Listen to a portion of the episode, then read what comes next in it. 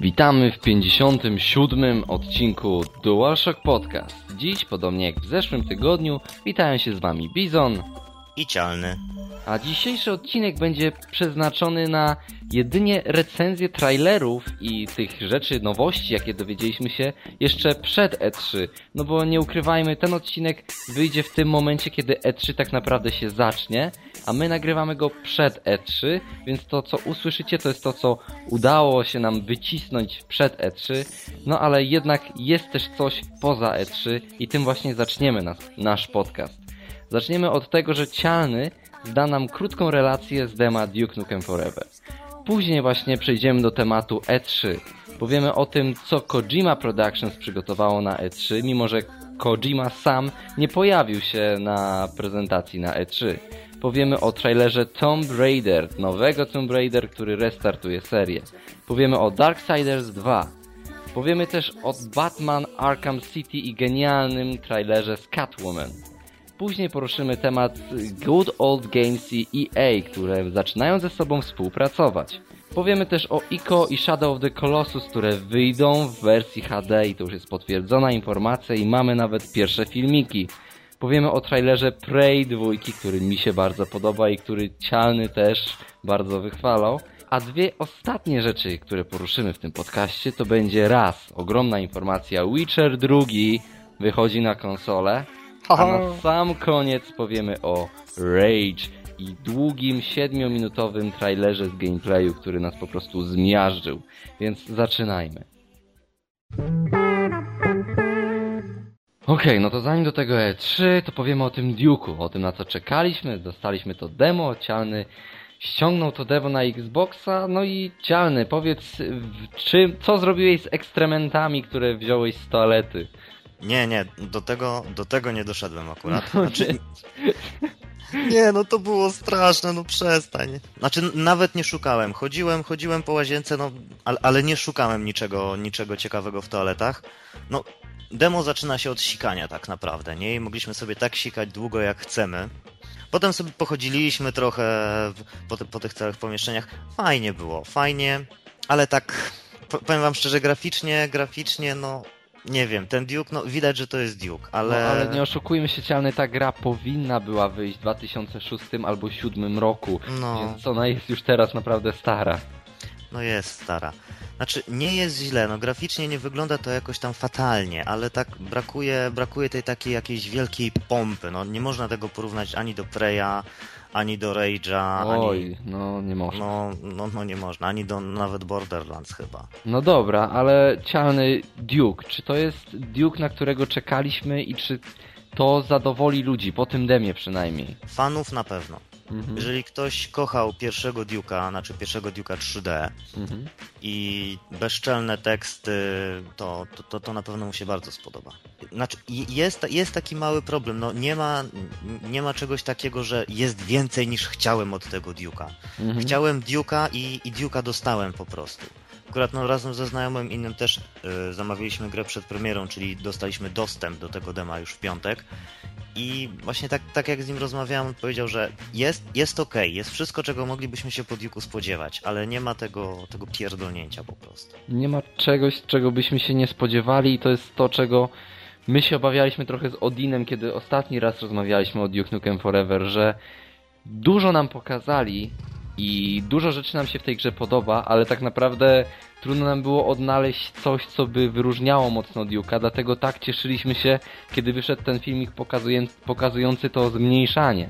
Więc yy, Duke, jeżeli będzie po prostu taką grą, takim prostym Duke'iem, to będzie sukces tylko i wyłącznie dla fanów, ale myślę, że ta marka Duke Nukem Forever, która tworzyła się przez te wszystkie lata i te oczekiwania, które piętrzyły się nie tylko w fanach, ale w tych ludziach, którzy po prostu oczekiwali na tą grę, która wychodzi tyle lat, myślę, że recenzje tak naprawdę gry mogą być bardzo mocno mieszane i nawet mogą być negatywne właśnie przez to, że Duke to jest już stara gra, i ludzie właśnie mówią o tym i te, ty też mówisz o tym, że to nie jest nic poza tym, że to jest Duke i to no. trochę, trochę przeraża jednak. No dokładnie, a poza tym też no, recenzje na pewno będą obniżone, tak jak to zawsze jest z grami, na które się czeka więcej niż 3 lata.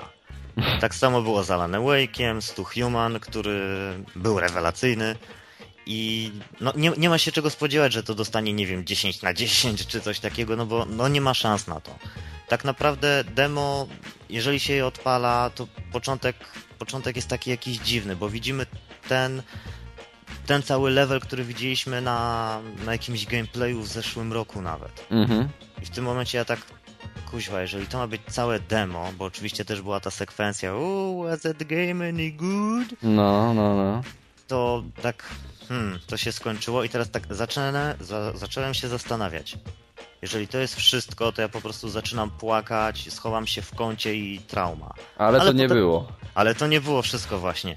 Zaczął się drugi level, który został zrobiony, no, miejmy nadzieję, tak na pewno typowo pod demo. Zaczynamy tym takim samochodzikiem, sobie latamy, w końcu z niego jakoś wypadamy, kończy nam się benzyna, musimy już szukać benzyny, i bronie są tak porozkładane i to widać, że specjalnie pod demo, bo tu jest jedna broń, za 15 kroków jest druga broń zupełnie nowa. Potem za następne 20 kroków, czyli za następną powiedzmy chmarą przeciwników pokazuje się ten shrinker, czyli pomniejszanie. Mhm. Co jest właśnie ciekawe zrobione, jeżeli pomniejszasz przeciwnika, to jego strzały dalej tak samo na ciebie działają. Czyli nie ma czegoś takiego, że jeżeli on jest mniejszy, to rzuca w ciebie pineskami. Mhm. Ja akurat mogę wam się przyznać już bez bicia, ja zacząłem trochę za ambitnie chyba, bo ja wrzuciłem sobie taki bezczelny poziom trudności i chciałem zobaczyć, jak poradzi sobie osoba, która w ogóle nie gra w FPS-y. Mhm. Nie poradziłeś może sobie. kiedyś. No, poradziłem sobie, no. Mi skilla, ouch. No dobra, cialny, ale skoro masz zamówioną grę w preorderze, no to w takim razie zagrasz kiedyś pełną i wtedy podzielisz tak. się z nami pełnymi wrażeniami z gry, no bo nie sądźmy jej jednak całkowicie pode mnie i miejmy nadzieję, że jednak mimo wszystko Duke Nukem Forever to będzie zajebista gra. Okej, okay, omówienie Duke'a skończone, więc przechodzimy do E3 i tego, co tam będzie zaprezentowane, co my już widzieliśmy w sieci. Zaczynamy od Kojima Productions. Sam Hideo Kojima nie pojawi się na E3, mówi, że być może w przyszłym roku się pojawi, ale w związku z Metal Gear Solid i ogólnie grami od Kojimy jest dość duży boom i niestety nie zobaczymy nic z Rising. To jest po prostu śmiech na sali. Ja myślę, że nawet ty, Cialny, jesteś jako tako w to zaangażowany, bo Rising to jest gra multiplatformowa i mówiliśmy o tym w podcastach i nagle nic nie ma. Jest ogromne E3. Rising miało wyjść nawet w pierwszych planach w 2011 roku i dupa, nie mamy zupełnie nic na tym E3 z Rising. No szkoda, chciałem sobie pociachać arbuzy. No, no chociażby, nie? Chociażby no. nowe demo ciachania arbuzów. Nie ma nic. Ale okej, okay, jest parę nowych rzeczy jednak. Przede wszystkim Metal Gear Solid 3D zostało zaprezentowane. I co ja mogę powiedzieć ze strony gracza, który przegrał naprawdę długie godziny Snake Eatera? To jest zwyczajna konwersja e, wersji e, Subsistence i tak naprawdę jest wykorzystanie tego żyroskopu, kiedy idziemy po moście. Jest to, że drugi ekran na 3DS-ie służy nam za inwentarz, co jest bardzo pomocne. I ogólnie yy, to jak zostały wykorzystane możliwości konsoli, to też, że na przykład możemy zrobić zdjęcie drzewa i później wykorzystać je jako kamuflaż w grze, to jest naprawdę bardzo fajne. Yy, czekaj, czekaj jakiego takie zdjęcie. Tak, robisz sobie normalnie zdjęcie drzewa na dworze i później Snake zakłada na siebie taki kamuflaż, jak ty zrobiłeś zdjęcie i kamufluje się dzięki temu w lesie. Wow. Fajne, nie? To jest fajne. Ale pod względem tego, jak jest zrobiona gra, to jest dokładnie Snake Eater. I teraz jeżeli chodzi o możliwości graficzne samego 3DS-a, to gra jednak została dość mocno okrojona w stosunku do PS2. Tego może nie będzie widać na ekraniku, ale na screenshotach, które widziałem już, są raz, że modele mają mniej poligonów, co dość mocno widać i tekstury są gorszej rozdzielczości, no i ogólnie gra jest mniej wyraźna. Już sam Snake Eater był mniej wyraźny, a teraz to już w ogóle... Nie wiem, może na tym małym ekraniku konsolki to będzie wyglądać super, tym bardziej, że mamy tą głębię obrazu 3D. Trzymam kciuki naprawdę za tą grę, bo lubię Snake Eatera i myślę, że takie coś na 3DS-a może odnieść spory sukces, ale szkoda mi trochę, że taki wypompowany tytuł, oni mówili, że wiesz, że w ogóle 3DS ma takie możliwości graficzne, pytu, pytu, pytu. On rzeczywiście jest mocniejszy od PSP, bo ta gra wygląda wiele lepiej od tych Metal Gearów, które wychodziły na PSP ale mimo wszystko są takie zgrzyty. Ja myślałem, że to będzie coś więcej niż po prostu konwersja z paroma nowymi tweakami. No może liczmy na to, że nie będzie grafika najważniejsza jednak w tytule, tylko nie wiem, miodność właśnie, granie. No tak, może gameplay. te rzeczy, które właśnie zostaną dodane jeszcze prócz tej kamerki. Ale dobra, idziemy dalej. E, następna rzecz od Kojima Productions to są Metal Gear Solid i Zone of Enders w edycjach HD i teraz uwaga, na PS3 i na Xboxa 360. Czyli Zone of Enders, które wyszły jedynie na PS2 i Metal Gear Solid 3 Snake Eater, który wyszedł jedynie na PS2, teraz w wersjach HD wyjdą zarówno na PS3, jak i na konsolę Microsoftu. I to jest boom. A teraz kolejna rzecz. Prócz MGS2 i 3 w tą kolekcję HD włącza się też Metal Gear Solid Peace Walker w wersji HD też na PS3 i na Xboxa. Czyli ogólnie mamy dwójkę, trójkę i Peace Walkera na dwie konsole różne od siebie i przede wszystkim na sprzęt od Microsoftu. I ja no. dalej nie mogę w to uwierzyć. I teraz kolejna sytuacja, jeżeli jeszcze rozumiem te MGS2 i 3, to przenoszenie Peace Walkera, czyli gry z PSP na grunt y, konsol HD to już jest trochę ambitne. Trochę za dużo, ale cialnie ja widziałem screenshoty. Ja myślę, że Aki je załączy w wersji wideo. Po prostu masz podbitą rozdzielczość do góry. Tekstury nie zostały w ogóle ruszone w Peace Walkerze. To jak wygląda sama gra, to jest po prostu, wiesz, mm, tragedia jak dla mnie. To jest przeniesienie gry z PSP na grunt HD, podbicie rozdzielczości do góry, ale zostawienie grafiki taką jaką jest. Więc trzeba będzie naprawdę fana z dużym samozaparciem, żeby grać w takie brzydkie gry na telewizorze HD. No jak to już przecież wiesz, już takie zabiegi robili, nie? W no, samochodówkach na przykład? No ale to jest, wiesz, zupełnie nieruszane, to jest tylko podbita no tak. rozdzielczość. No. Tak jak można to zrobić na PC-cie. No, ale myślę, że wiesz, dla ludzi, którzy na przykład mieli pierwszego Xboxa i grali w nie, w, na nim y, w MGS-a dwójkę Substance, który wyszedł na Xboxa, mhm. to teraz zagranie w Snake Eatera w HD, który dodatkowo śmiga w pełnych 60 klatkach na sekundę, bo przypomnijmy, że Snake Eater miał problemy z płynnością na PS2, a teraz to ma zostać zupełnie, jakby zupełnie skasowane. Wszystko jest robione od podstaw tak, żeby to śmigało pod PS3 i Xboxem jak najszybciej się da. Więc dla fanów to jest jak najbardziej świetna, świetna informacja i tak naprawdę szkoda trochę teraz, że nie wyjdzie nigdy MGS4 na Xboxa 360, bo wtedy kolekcja byłaby praktycznie kompletna na Xboxie. No w sumie prawda. No ale wiesz, miejmy nadzieję, że właśnie tak, tak jak właśnie powiedziałeś, że te tekstury niepoprawione, tylko podbita rozdzielczość, że jednak to nie będzie aż tak bardzo przeszkadzać. No to się okaże, no to wkrótce ja myślę, że zobaczymy pierwsze jakieś filmiki, a nie tylko screenshoty. Może nawet jeszcze wyjdą, ale jeszcze teraz ich nie widzieliśmy. I ostatnia informacja, która wypłynęła z Kojima Productions, to jest to, że mają już nowy silnik, zwący się Fox Engine, który jest silnikiem multiplatformowym, czyli zarówno PC, PS3, jak i Xbox. I Fox. Engine ma być jak najbardziej konkurencyjny z najlepszymi silnikami, jakie są na rynku, równając się również z tym, co zrobił Crytek i ich CryEngine. I ja widziałem prezentację tego silnika, którą pokazywał Kojima w swoim studiu w Japonii i naprawdę wygląda to zacnie. Śmiga, śmigało to na Xboxie 360. Myślę, że Aki też to tutaj wrzuci. To ja wyczuwam wrzutę, przepraszam.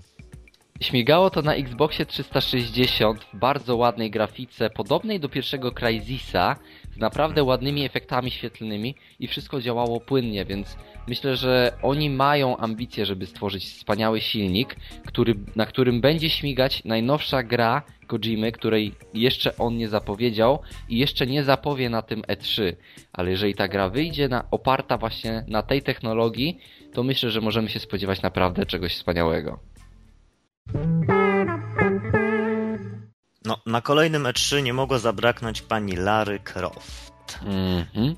pokazali nam piękny trailer CGI, o którym ja na początku myślałem, że to jest w ogóle jakiś trailer filmowy, bo tak po chwili myślałem, że to jest nie, to może być taki trailer w stylu, w stylu filmików z Need for Speed Most Wanted. Potem jak zobaczyłem, że to jest takie typowe całe CGI, no to szokłem. No szokłem. czy to jest też coś, co widocznie teraz Square Enix się lubuje, bo pamiętajmy, że niedawno, znaczy niedawno, no dość dawno, ale wyszedł ten trailer e, CGI do Deus Exa, który również wyglądał po prostu świetnie i tak samo teraz wychodzi świetny trailer CGI do Tomb Raidera.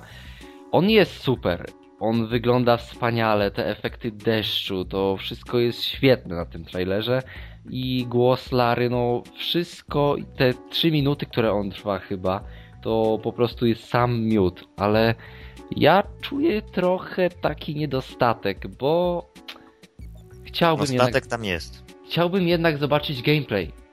Już po takim czasie. Dawno temu mieliśmy screenshoty z gameplayu. I teraz wychodzi ten trailer CGI i myślałem, że to będzie może minuta CGI, dwie minuty, a reszta będzie pokaz chociażby gameplayu. Może jeszcze go zobaczymy na E3, ale to co mamy przed E3 to jest tylko ten, to CGI i chociaż jest piękne, to jednak Bizonek chciałby zobaczyć Larę już jakby zbudowaną z poligonów na konsoli. No tak, znaczy wiesz, oni próbują podbić hype jednak, bo wiesz, o piękny trailer CGI, właśnie tak jak mówisz, ktoś pomyśli sobie, no nie ma gameplayu, ale to wygląda ładnie, jest okej, okay. Jest fajnie. No ale to działa, to widać po nas, że działa, bo nam się podobało. No dokładnie, bo jest fajne. Ja ci powiem tak, patrząc na ten filmik i tak go analizując, mi tutaj troszkę troszkę jed, jednak jedna rzecz taka mała nie pasuje, bo... Za małe cycki. Nie, nie, nie, przepraszam. myślałem, już myślałem. Byleby to wyglądało naturalnie, nie? Nie, nie o to chodzi. Chodzi mi o, o samą fabułę. Tak troszkę tutaj Lost wchodzi, tak To znaczy, ja ci powiem, to jest, to jest restart i to jest inna Lara niż ta, którą my znaliśmy. To nie jest ta twarda Lara, która, wiesz, już swoje tam przeżyła, jest takim Indianą Jonesem, wiesz. Tu chodzi o to, że to jest nowy początek Lary, która po prostu musi teraz się odnaleźć i musi stać się twarda i myślę, że to pokaże nam nową stronę y, Panny Croft i to przyciągnie graczy, którzy teraz być może pierwszy raz zagrają w Tomb Raidera, bo nie oszukujmy się, pierwszy Tomb Raider wyszedł wtedy, kiedy ja byłem jeszcze bardzo mały i tak naprawdę no. teraz mogą być gracze, którzy też są bardzo mali albo nie wiem, mają na przykład 12 lat i to będzie ich pierwszy Tomb Raider, restart serii, ale dla nich tak naprawdę to będzie pierwszy Tomb Raider, którego oni przedtem nawet nie tykali. I dla nich mhm. coś takiego, takie wprowadzenie powinno być jak najbardziej super, bo ja się z czegoś takiego cieszę, bo będziemy mieć nowy gameplay, nową Larę, wszystko zupełnie nowe, kompletny restart. No i szanse na to, że zmieni się nie tylko to, że ona ma mniejsze cycki i mniejszą dupę, ale tak naprawdę zmieni się gameplay i tym razem ja będę mógł sobie to fajnie pograć, bo w Tomb Raidera gra moja dziewczyna, a ja siedzę z boku i czasem nie dowierzam, że to się może komuś podobać, bo niektóre rzeczy są takie no już dość archaiczne. No i przesadzone, a Tomb Raider ten nowy może to zmienić. Znaczy wizualnie oni starają się jak najbardziej odbiec od Angeliny Jolie. Mhm. Bo, to, bo to już tak widać, że to już jest zupełnie inna postać, z zupełnie innym akcentem. Dalej, dalej tym brytyjskim, ale takim, takim zupełnie innym. Oj, leciutkim bardzo brytyjskim, no, takim przyjemnym dla ucha. Dokładnie nie wiem, ja, ja dalej się boję, żeby oni z tego nie zrobili takiego losta, że na tej wyspie, na której ona tam, nie wiem, jakieś obce cywilizacje, będą jakieś chmury czarne latały i tak dalej. Boję się czegoś takiego. Kuźwa, no. Nie, miejmy nadzieję, że to będzie po prostu bardzo dobry tytuł i poczekajmy na pierwsze gameplaye, bo to jest to, na co ja czekałem na tym E3, jeżeli chodzi o Tomb Raidera. Nie spodziewałem się trailera CGI, dostałem go, ale jest fajny, więc mogę no. im to wybaczyć. Dobrze, idziemy dalej i przechodzimy do Darksiders 2. Ja tak naprawdę nie mam zbyt dużo do powiedzenia, bo pierwsze Darksiders jakoś mnie ominęło, mimo że jestem fanem tego typu gier. To jakoś przeszło bokiem, nie grałem i wiem, że tylko, że Cialny, Cialny tutaj będący na pozycji ze mną, jest ogromnym fanem pierwszej części Darksiders i on teraz będzie się rozpływał nad Darksiders 2. Oj tak, rozpływał. Tak jak na czacie napisałem, jak zobaczyłem trailer, po prostu orgazmicho, bo Darksiders 1 był przyjemny. Był może czasami ciężki, ale był przyjemny. Był to taki hack and slash z bardzo ciekawą fabułą, bo nie dzieje się tam nic takiego nudnego, weź to, przynieś to, zrób to, tylko byliśmy jeden z czterech jeźdźców apokalipsy, dokładnie wojną, i zostaliśmy wrobieni. I teraz próbujemy się jakoś odkupić, jeżeli mówimy dalej o Darksiders 1. I co fajne, druga część właśnie zaczyna tak jakby z drugiej strony że w tym momencie będziemy kolejnym z jeźdźców apokalipsy, żeby już nie było nudno. Mhm. Będziemy teraz śmiercią i będziemy tak jakby prawie równolegle do, do jedynki tworzyć naszą własną historię. Dokładnie już gdzieś tam, gdzieś tam napisali, że chodzi o to, że próbujemy naszego wielki cudzysłów brata odkupić za jego, za jego błąd, tak naprawdę. No, błędem to to nie było, bo zostaliśmy po prostu wrobieni. I widać, widać na tym trailerze, że on jest zrobiony na tym samym silniku. Mhm. I czy to jest złe? Moim zdaniem nie. No nie, no to nie dziwi, ale to co, no okej, okay, może silnik jest ten sam, ale to co mi się podoba w robieniu takiego sequela, to jest to, że nie, on, no, nie kontynuuje w żaden sposób tej samej historii, pokazuje ją z innej perspektywy, zupełnie innej postaci i teraz jest pytanie, czy skoro mamy zupełnie inną postać, to czy będziemy mieć też odmienny gameplay, bo to co może pogrzebać Darksiders 2 to jest to, że on może obiecywać, że wiesz, mamy nową postać, większy świat, bardziej rozbudowany, ale może być zbyt podobny do pierwszej części. Ja nie grałem w pierwszą część, ale jeżeli powstaje taki sequel i sterujemy w nim zupełnie nową postacią, to ja też spodziewam się zupełnie nowej mechaniki rozgrywki w pewnych momentach. Jeżeli to będzie zapewnione, to wtedy jak najbardziej sukces. Jeżeli będzie bardzo podobna do pierwszej części, no to wtedy już mo możemy być niezadowoleni. Znaczy zadowoleni raczej będziemy, bo wchodzi pierwsza rzecz, której w Darksidersie 1 w ogóle nie było, czyli NPC. Osoby postronne, z którym, którymi będziemy mogli sobie porozmawiać. No, w ogóle nie mieliśmy czegoś takiego w Darksiders mhm. 1, więc to już jest pierwsza rzecz. Druga rzecz, o której powiedzieli, to to, że będą większe lokacje. No, ja wam powiem szczerze, osoby, które nie grały, mogą, muszą mi wierzyć na słowo. Osoby, które grały, wiedzą, że te lokacje wcale takie małe nie były, cholera jasna. Aha. Nie, no, bardzo duże lokacje były. Niektóre to naprawdę zastanawiałeś się, cholera, kiedy robią się loading time, skoro to jest tak duże. Mhm. Dodatkowo, no, więksi bossowie, le lepsze walki z bossami, no, miejmy nadzieję, że ta mechanika, no, nie będzie kropka w kropkę taka sama. Mhm. Bo no, no nie może być, no skoro dodają już takie rzeczy i jeszcze inne ciekawostki, o których nawet nie wiemy, to będzie podobnie, ale to nie będzie to samo. No, nie okłamujmy się, Wizon, nie może być czegoś takiego, że jak wyszedł, nie wiem, God of War 1, to God of War 2 będzie, nie wiem, Simsami czy czymś innym, prawda? No nie, no nie może być, być zupełnie podobny. odmienny, ale tutaj chodzi o to, że z God of War 1 do 2 dalej sterowaliśmy tą samą postacią, z tymi samymi umiejętnościami, a tutaj mamy zupełnie nową postać, więc no, miejmy nadzieję, że będzie fajnie. Mnie to nie dotyczy specjalnie, ale ty na pewno kupisz Darksiders dwójkę, nawet jeżeli będzie identyczny. A ty, mam nadzieję, że nadrobisz sobie Darksidersa 1. Oj, cialne, gdybym miał czas, to bym nadrobił sobie setki gier. Znajdziesz czas. Batman. Batman. Dokładnie. Pokazał się nowy filmik, który pojawił się też tak naprawdę w single shocku, ukazujący Catwoman. I wiemy o tym, że będzie grywalną postacią w Batmanie. I mo można powiedzieć, że to jest po prostu piękne. O, piękne w sensie, że Catwoman jest piękna, czy piękne jest to, że ma swój własny gameplay, swoje własne umiejętności, jakby swoją własną historię w tle. To jest zajebiste po prostu. Tylko teraz szkoda mi bardzo, że mimo wszystko oni powiedzieli, Rocksteady, że nie będzie koopa. Bo teraz jeżeli oni stworzyli oddzielny gameplay dla Batmana i dla Catwoman, to czemu nie zrobić jakichś chociażby pomniejszych misji koopowych, skoro oni są grywalni obydwoje?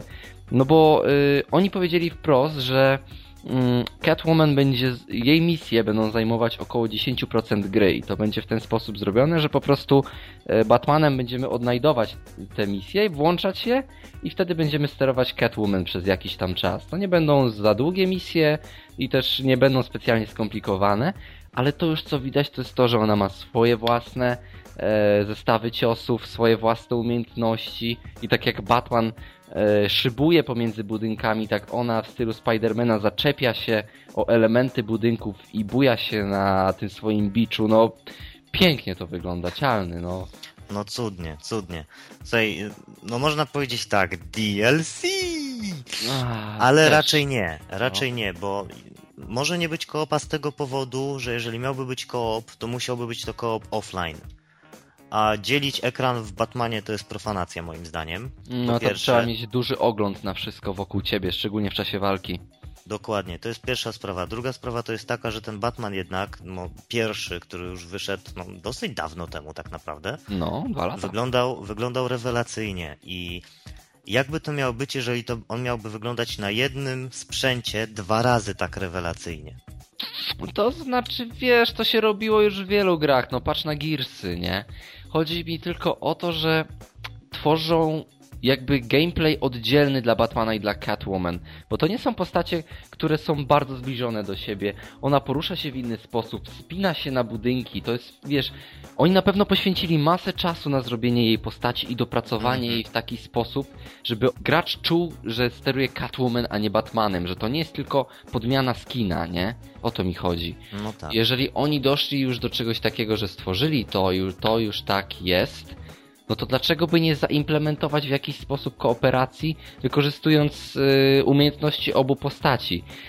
Chyba, że Batman trzeci coś takiego zaimplementuje, bo ja myślę, że ja nie jestem jedynym, który wpadł na taki pomysł.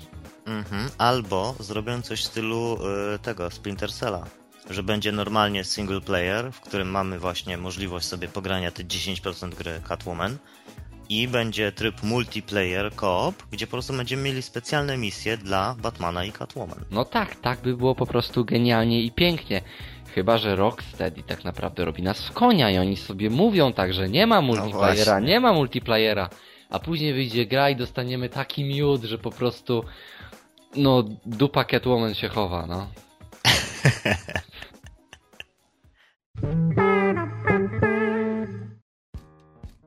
CD Projekt stworzył sobie coś takiego jak Good Old Games i mówiliśmy o tym wiele razy, mówiliśmy o tym, że to może być bardzo mocna alternatywa dla Steama. I teraz staje się kolejny wielki boom na Gogu, bo łączy się on niejako z EA, nawiązują współpracę i dzięki temu teraz będziemy na Good Old Games mogli ściągnąć klasyczne tytuły EA za dość niską cenę i przystosowane do tego, żeby działać na najnowszych systemach operacyjnych, więc innymi na naszym Windowsie 7. No jest powiedziane, tak żeby to rozszerzyć trochę, że 25 takich najlepszych klasyków się pojawi w najbliższym czasie.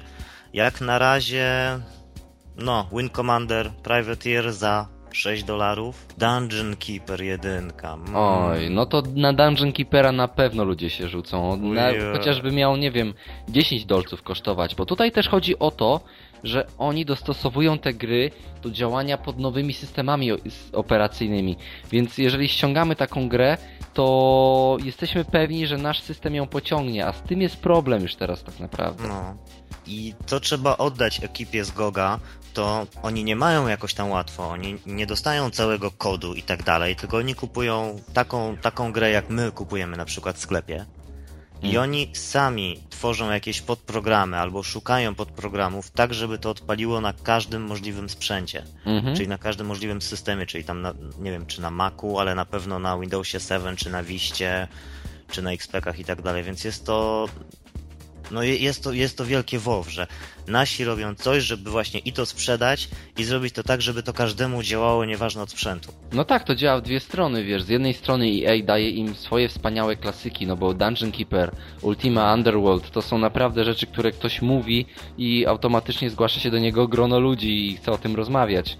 Oni Dokładnie. dają te tytuły. Y, GOG robi z tego tytuły, które da się grać na nowych systemach, ma za to pieniądze.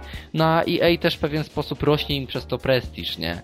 To też jest w ten sposób zrobione. Myślę, że to jest super informacja, no bo jednak EA teraz, a EA kiedyś to są zupełnie inne firmy i też zupełnie tak. inne gry wychodziły, większe klasyki, na pewno wiele bardziej dopracowane. I ja nie jestem specjalnym fanem cyfrowej dystrybucji gier i ja raczej nie będę się łapał na te gry na Good Old Games. Ale myślę, że osoby takie jak Odin, które są po prostu Steamowcami i wiesz, ciągną te gry tyle ile mogą, na takie rzeczy jak właśnie klasyki jej na pewno się rzucą. No dokładnie, no i nie okłamujmy się, są to gierki bez DRM-u, nie? Czyli możemy sobie razem ze znajomym na, na spółę coś kupić, jeden ściągnie, drugi ściągnie i mamy. Mhm. Co jest jeszcze fajne, o czym nie powiedzieliśmy, GOG dodaje do każdej gry jakieś dodatki.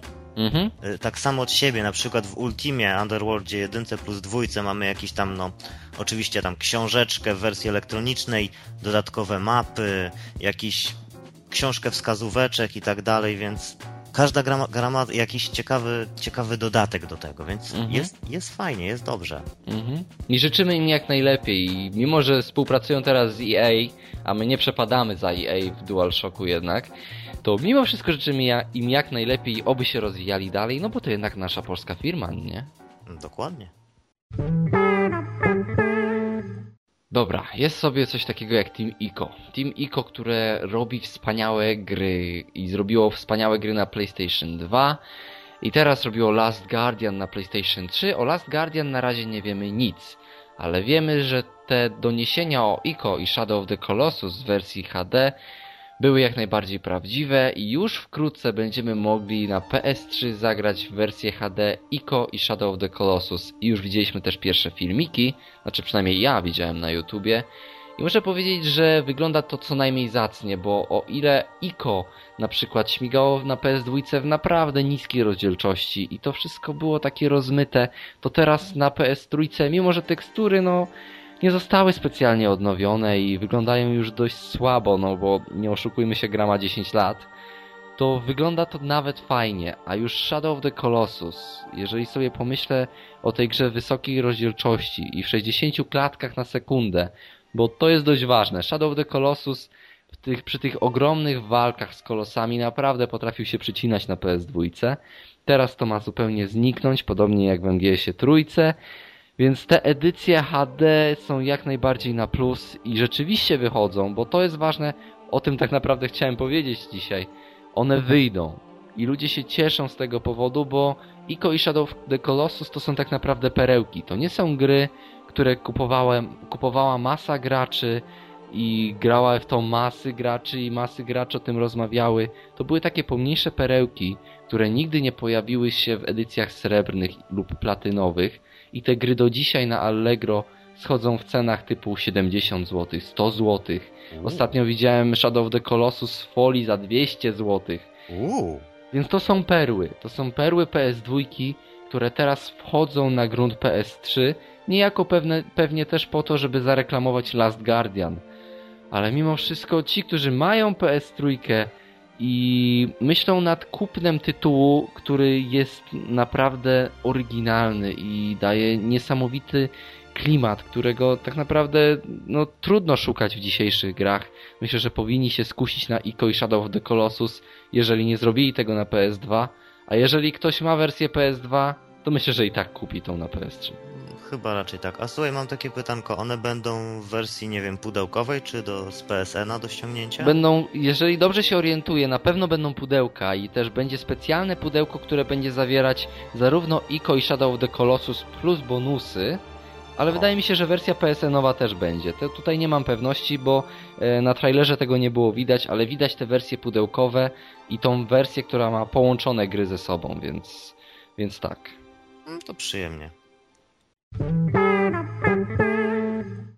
Wyobraźcie sobie taki cybernetyczny dziki zachód. Mm. No pięk, piękny, piękny pomysł w ogóle. Dzięki Bogu chłopacy, którzy stworzyli Prey, mieli taki pomysł. Mhm, mieli i to zastosowali w Preyu dwójce. I wielu graczy tak naprawdę jest trochę na nich obrażonych za to, że odbiega to zupełnie od tego, co prezentował pierwszy Prey, bo jeżeli ktoś pamięta pierwszego Preya, to to była chyba gra, która najlepiej wykorzystywała e, silnik e, stworzony przez id do śmigania z Doomem trójką. I Prey to był taki dość niekonwencjonalny shooter. Miał masę różnych dziwacznych rozwiązań, ale ludziom się strasznie podobał. I teraz to, co prezentuje nam trailer CGI do Preya 2, to jest zupełne odejście jakby od konwencji pierwszego Preya.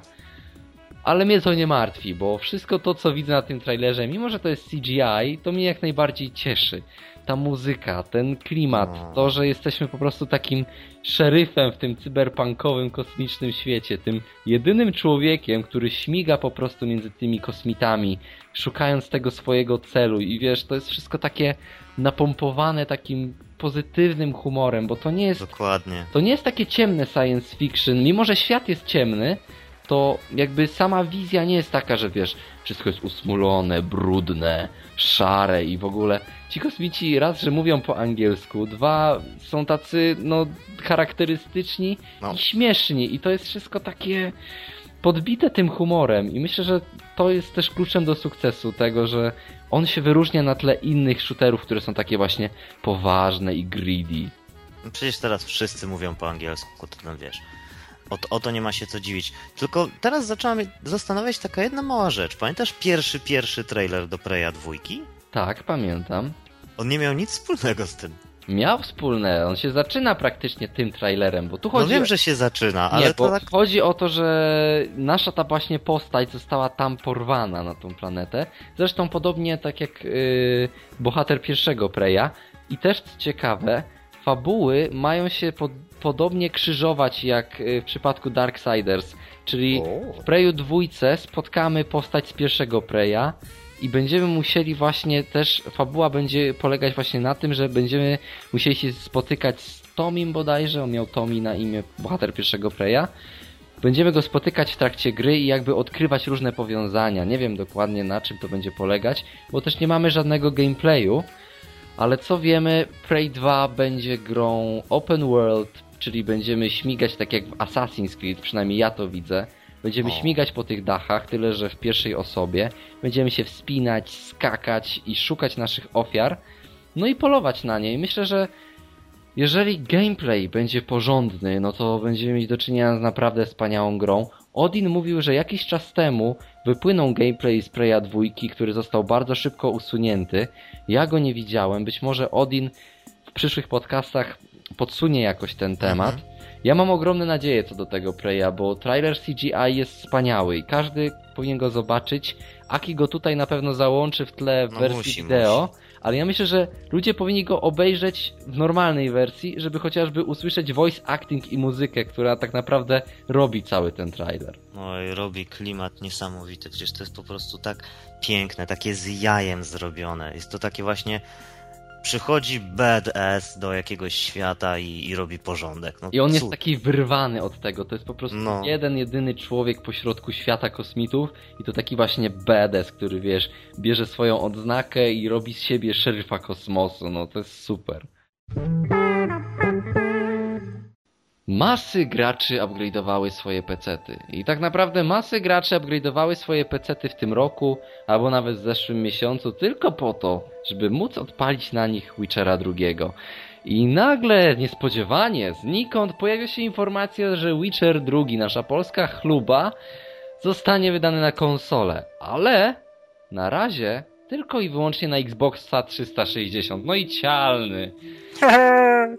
ja się cieszę, ja się cieszę, naprawdę. Ja, ja od razu będę przerywał, bo ja, ja się bałem, że jak, jak to będzie, że ja sobie nie zagram w drugiego Wiedźmina, skoro pierwszego no, prawie scałkowałem, a mój sprzęt już jest trochę, trochę leciwy, trzy latka już ma i po prostu no, no nie będę już kopał dalej kasy w, w tego, w tego peceta, skoro mam Xboxa. A tu nagle pach, pojawi się na Xboxie. No, po prostu łezka aż mi się uro, uroniła. Jestem taki happy z tego powodu. Nie, naprawdę. Naprawdę. Cieszę się. Nie wiadomo w ogóle jak to będzie z PS Trójką. Miejmy nadzieję, że że jednak pojawi się jakoś po w późniejszym czasie. czasie też. Mhm, na no. pewno musi się pojawić po jakimś czasie, no bo dziwne by to było, gdyby tylko wyszedł na Xboxa. W ogóle yy, PS Czy... fani, PS fanboye zjedzą, jeżeli to nie wyjdzie na, na PS trójkę. No tak, no ale nie okłamujmy się, na Xboxie trochę łatwiej się też robi gry, prawda? Oj, tym bardziej przenosi się gry z PC na Xboxa. Mamy przecież praktycznie identyczną strukturę. Tada! To nie będzie port. No to właśnie. nie będzie typowe przeportowanie, to będzie adaptacja, czyli będzie też trochę ulepszeń, będzie poprawienie ewentualnych błędów. To nie będzie systemem robione kopiuj wklej. Więc to No. jest też inna bajka. Ja mam też nadzieję, że oni przynosząc grę na Xboxa wprowadzą też parę nowych rzeczy, które być może chcieli wprowadzić do Witchera 2, ale ostatecznie się wycofali albo nie mieli na to czasu. Myślę, że są jeszcze takie rzeczy, jeżeli oni mówią, że wprowadzają nowe rzeczy do, do Witchera na Xboxa, to myślę, że też nowe rzeczy tam zastosują. I ciekawa informacja, którą ja wyciągnąłem z wywiadu z y, ludźmi CD Projekt Red, to znaczy ja myślę, że to w ten sposób ma wyglądać.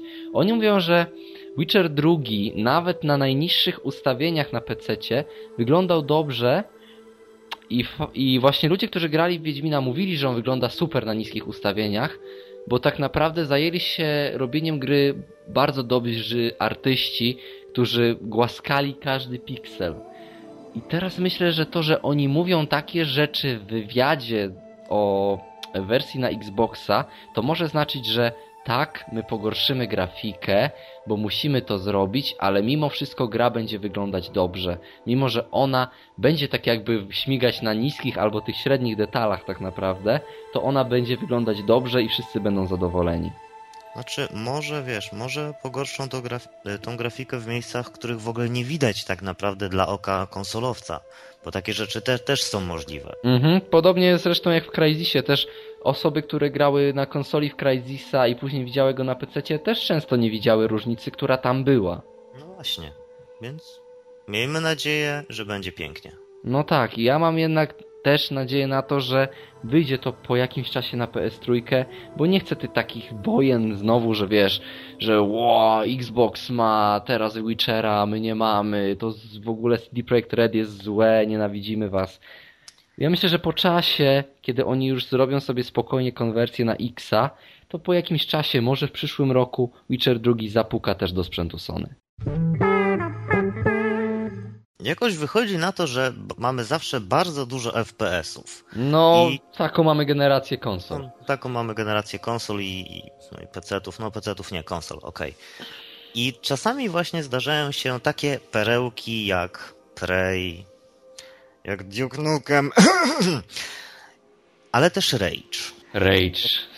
Po ostatnim 8-minutowym gameplayu, czyli no 7 minut 50 sekund, cholera jasna, to jest straszne, bo ja naprawdę jestem graczem, który, który w ogóle w FPS-y nie gra, a tutaj już jest Duke, to był Bulletstorm i przez was normalnie też będzie Rage. Tak, Rage musi być po prostu w bibliotece chyba każdego gracza, który lubi FPS-y, bo to, co pokazuje nam teraz id Software, to jest dla mnie świadectwo tego, co ja znów podkreślam, robimy zajebistą grę. To nie ma być tylko pokaz możliwości graficznych, tak jak, jak, jakim był dla mnie Doom Trójka, tylko Rage raz, że śmiga na wspaniałej technologii, a dwa, że jest wspaniałą grą.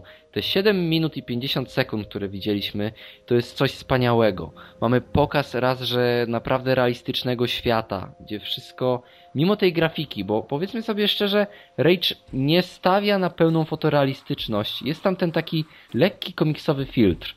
Ale ten filtr nie jest tak mocny jak w Borderlands, który zupełnie odrealnia nam tą grafikę.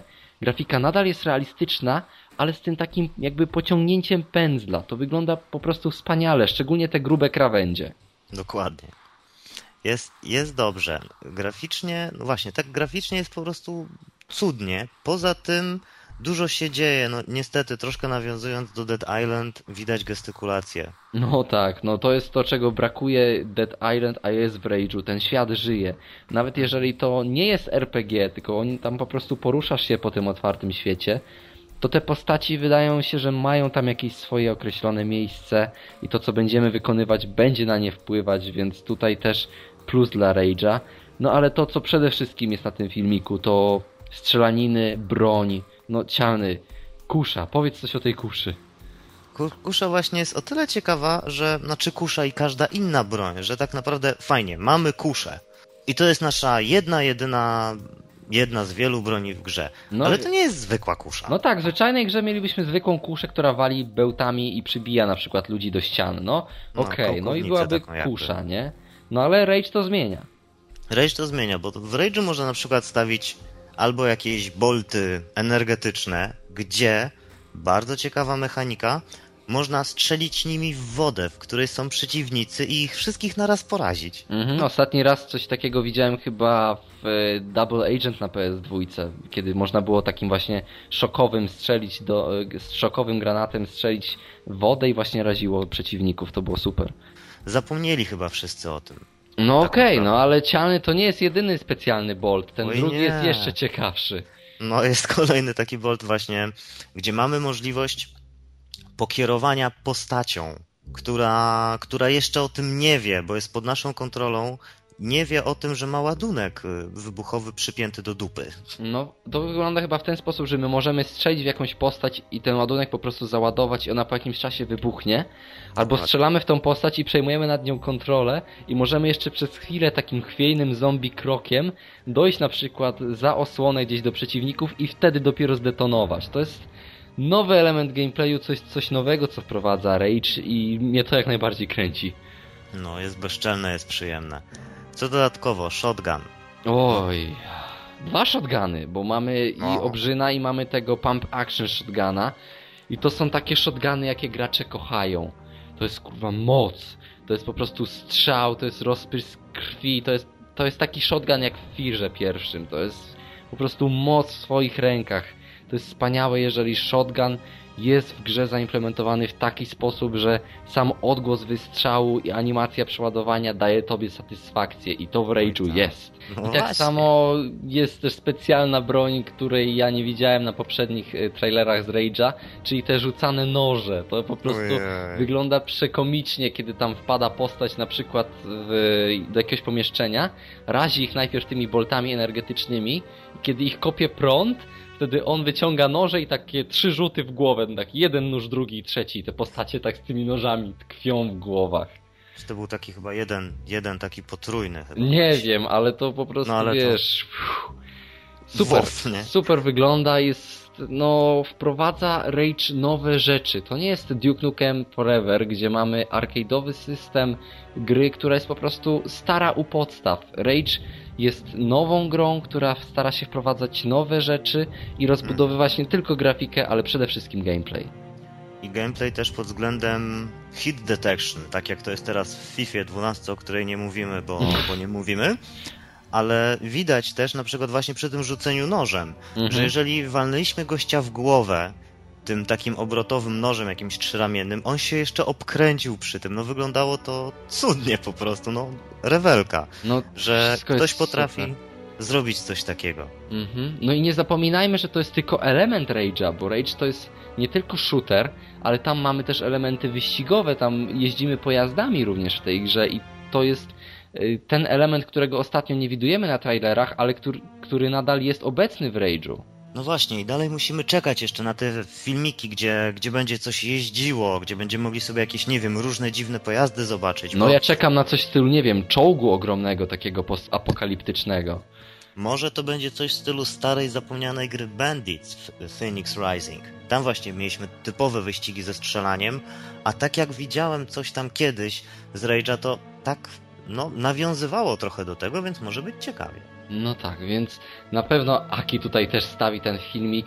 Zachęcamy Was do obejrzenia go sobie ponownie, bo Rage wygląda wspaniale i na pewno będziemy o nim mówić, kiedy już wyjdzie, bo myślę, że zarówno ja, jak i Odin będziemy go mieć na swoich PC-tach, jak też również Cialny i Badon na swoich konsolach.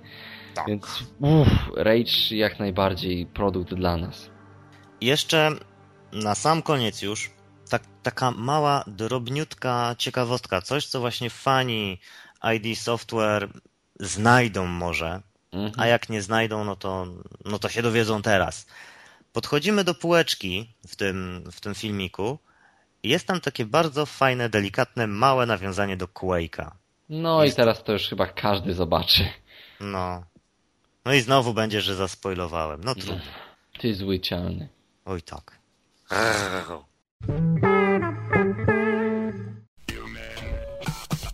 Dobrze, kończymy 57 odcinek DualShock Podcast. Dzisiaj było o E3. Przed E3 myśl, myślę, że w przyszłym tygodniu będziemy już mogli porozmawiać o tym, co tak naprawdę wydarzyło się na tych targach i boję się o to, jak długi będzie przyszły podcast. I miejmy nadzieję, że też w przyszłym podcaście w końcu pojawi się Odin lub Badon, no bo słuchacze już chyba tęsknią za nimi. Niemniej dzisiaj żegnają się z wami Bizon i Cialny. I do usłyszenia. Dokładnie. A więcej w OE3, po E3, w DSP. Whatever. No. Takie małe nawiązanie, a więcej faktów w faktach po faktach.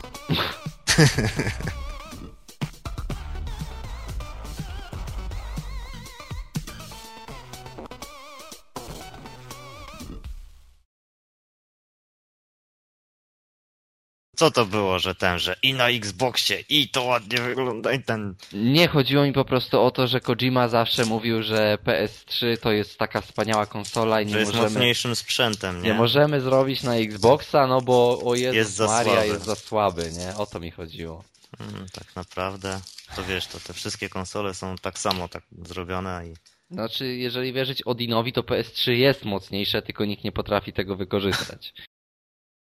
Super. I też jest właśnie ma małe takie przypomnienie odnośnie Quake'ów na przykład.